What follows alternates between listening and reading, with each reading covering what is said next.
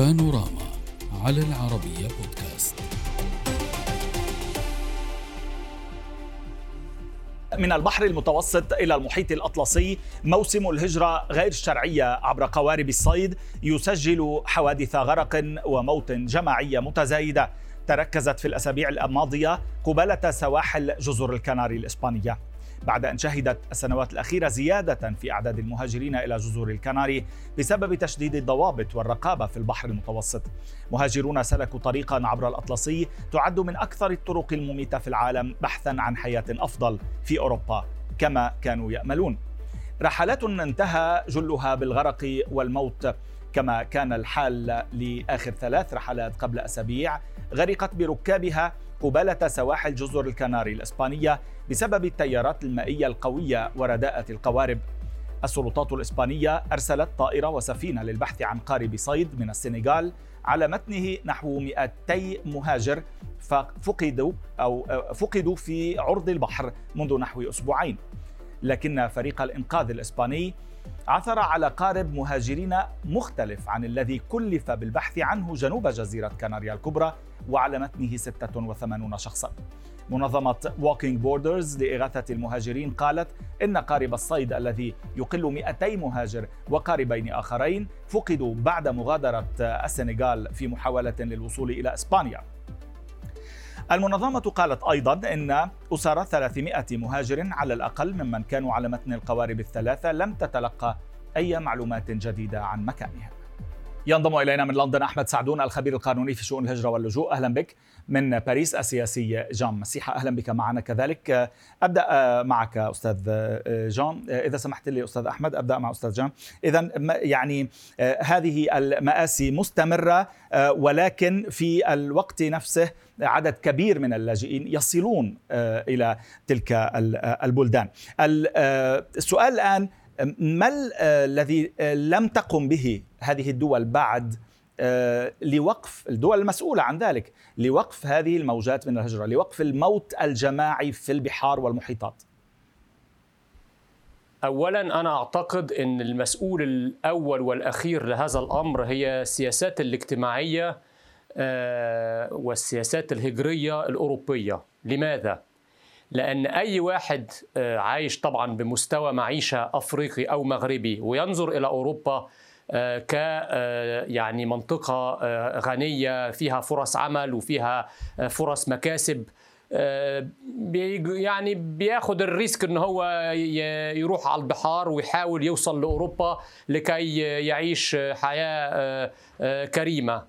فبالتالي المشكلة مش في إن في منطقة فقيرة جدا ومنطقه غنية جدا وهو وهي أوروبا وده يست يعني بيفعل شفاط للهجرة من الدول الفقيرة إلى الدول الغنية. عندك مثلا نفس الواقعة الجغرافية ما بين الساحة الهندية أو القطب الهندي ودول الخليج. لماذا لا يوجد نفس حركة الحركة السكانية ما بين دول الهند والباكستان ودول الخليج لأن سياسة دول الخليج الهجرية والسياسة الاجتماعية وسياسة الحدود لا تسمح بذلك. فبالتالي اللي بيخلي الناس تخاطر بعمرها هي الاعتقاد اللي بتفرضه الهيئات اليسارية والحكومات اليسارية في أوروبا اللي بتقول إن لو هتعرفوا توصلوا لحد الحدود بتاعتنا أولا مش هنقدر نفصلكم لأن عندنا قوانين بتحميكم وفي نفس الوقت هيبقى عندكم حقوق مالية وحقوق اجتماعية وفرص عمل أكتر بكتير. فيعني إن كنا عايزين بطريقة إنسانية نحل الأمر لازم نوقف هذه السياسات لأن السياسات دي يعني بس هذه سياسات تتنافى مع حقوق الإنسان. بس إذا كانت هذه الدول ستعتمدها ألا تتنافى مع حقوق الإنسان ومع المبادئ الكبرى التي تقوم عليها قيم هذه الدول؟ ما قيم قيم هذه الدول يا أستاذ إن إن نخلي بالنا من حياة الناس. انت ما ما تخليش الناس تحلم بشيء وتضحي بحياتها عشان توصل له. واصلا لا لا ما هو ما فيك تطلب منه يعني انه يعيش بالرداءه المعيشية اللي عايش فيها وتطلب منه أن لا يأمل بأن يصل إلى ضفاف الحلم على الأقل. وعندما يصل تكون مشكلة الدول تتورط حقيقة لأنه يجب أن تعامله كإنسان وأن توفر له حقوقه. يعني لم نقدم حلا إذا ما أغمضنا أعيننا عن المشكلة. إذا تركناهم يموتون في البحار لأننا لا نريد استقبالهم. ما؟ ما هو المشكلة يا أستاذنا الكريم إن إحنا ما عندناش الإمكانيات إن إحنا نستقبل بال يعني الظروف اللي انت بتتكلم فيها دي كان زمان لما كان عندنا الإمكانيات وكان مم. عندنا نهضة اقتصادية ونهضة في العمل كان الناس اللي بتيجي واخد بالك؟ بتندمج اقتصاديا وبتندمج عن عن طريق العمل وفيما بعد بتندمج ثقافيا.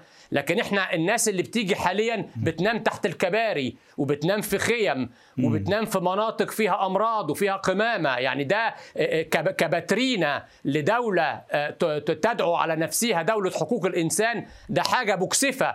يعني إنت تقصد لأنه ما فيش فرص اقتصادية ما, ما في وضع اقتصادي جيد يستطيع أن يستقطب هؤلاء. انت عشان تبقى طيب نأخذ رأي أستاذ أحمد لو سمحت. عشان تبقى عن نأخذ رأي أستاذ أحمد. تفضل قبل ان نعود اليك أستاذ أحمد ما رأيك بما تفضل به أستاذ جان مسيحة؟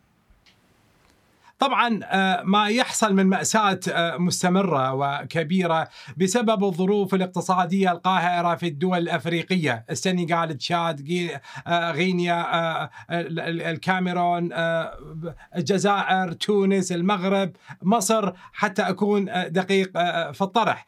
طبعا دول الاتحاد الأوروبي لعبت دور سلبي بمعنى الكلمة لأنه هي عملت عدة لقاءات وعدة اجتماعات مطولة في في في بروكسل في في مالطا في مدريد حتى وزيارات متكررة إلى تونس إلى الجزائر إلى المغرب العربي وكانت هناك وعود لتلك الدول بعمل استثمارات في تلك الدول التي تنطلق منها مثل ما تفضلت حالة زميل طاهر موجات كبيرة من من الشباب العاطل عن العمل. وبالمناسبة حتى لقناتكم الكريمة وللشباب يعني إخواني وأصدقائي وناسنا يعني في مصر في في الجزائر في تونس في المغرب هاي نصيحة من يشاهد اللقاء أنه سوف سوف تكون هناك صدمة في حالة وصولهم لبريطانيا مثالا لأنه بريطانيا سوف لن توافق على هكذا طلبات لأنه تعتبرها هي ليست شارتي أي ليست منظمة خيرية أن تعطي الإقامة لأسباب اقتصادية،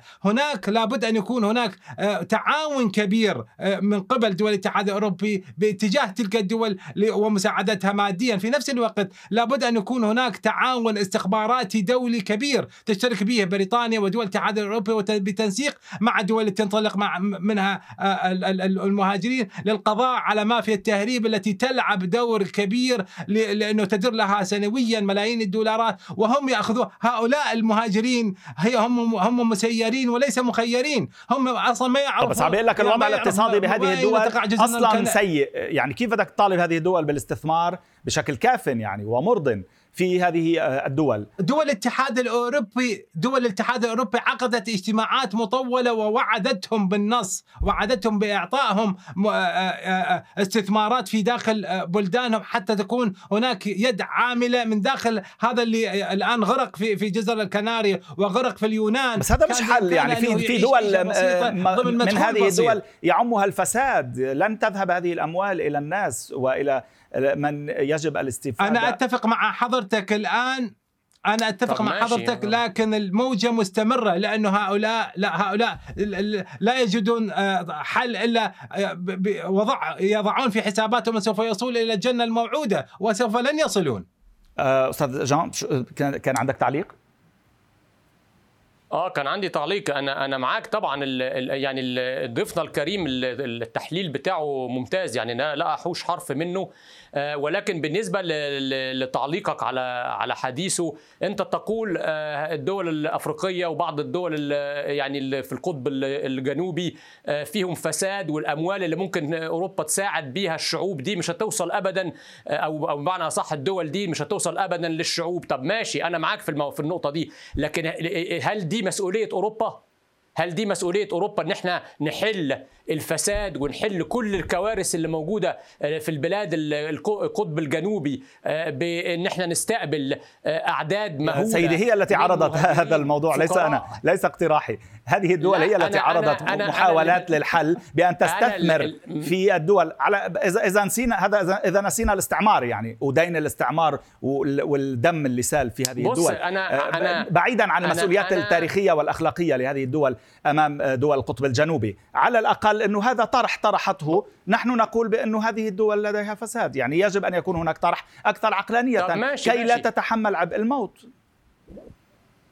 أنا أنا معاك في النقطة دي ولكن إحنا عايزين نبطل كلمة الاستعمار دي. م. يعني عندك دول آسيا كانت مستعمرة بنفس الشكل. إن كان الفيتنام إن كانت الصين كانت مستعمرة في اليابان. ومن قال لك إنه هن بطلوا أصلا كلمة استعمار يعني.